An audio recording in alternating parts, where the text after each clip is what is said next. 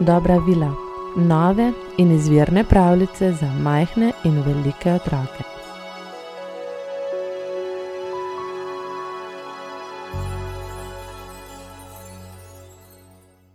Strahopetne lisice in zviti zajček.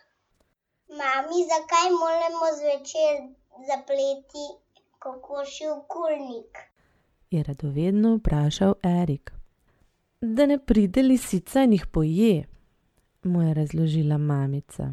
Zakaj pride šele zvečer? Ni dalo miru našemu zakajčku. Aha, to je pa zanimiva zgodba, se je mami udobno namestila v nasladnjaču in začela pripovedovati. Včasih, res zelo dolgo nazaj, ko še ni bilo ne avtov in ne televizije, so v nekem gozdu živele lisice strahopetke. Bale so se vsega, kar se je premikalo, celo mravljam so se v velikem loku izogibale.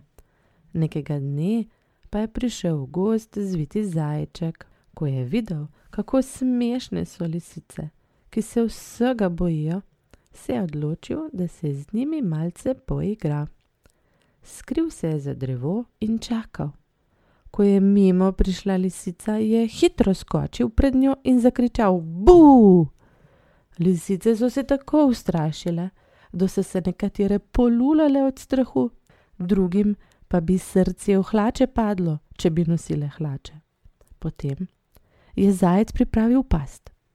In ko so se lisice ujele v mrežo, je prišel spodaj in jih požgečkal po podplatih s ptičjimi peresi. Po nekaj dneh ustrahovanja so lisice imele vsega dovolj. Vse so se skrile v votlino in se niso premaknile niti za centimeter, da jih zajec ne bi opazil.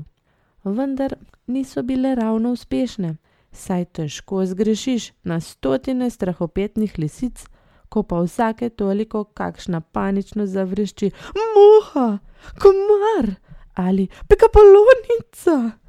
Zvito je poiskal zadnji vhod v jamo in prišel lisicam za hrbet. Iz ljubja si je naredil nekakšen megafon, nato je močno zajel sapo in na ves glas zakričal: Bu! Lisice so se tako ustrašile, da se je celo barva na njihovem repu ustrašila in zbežala s konice repa. In zato imajo danes lisice belo konico na koncu repa. Ampak mami nisi razložila, zakaj pridejo samo po noči.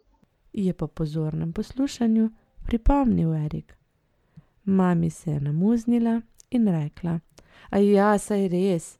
Lisice so se tako močno ustrašile, da se od takrat bojijo celo svoje lastne sence, in če bi jo po dnevi videle, bi bile vse čas prestrašene. Zato hodijo naokoli le po noči, ko njihova senca ni vidna.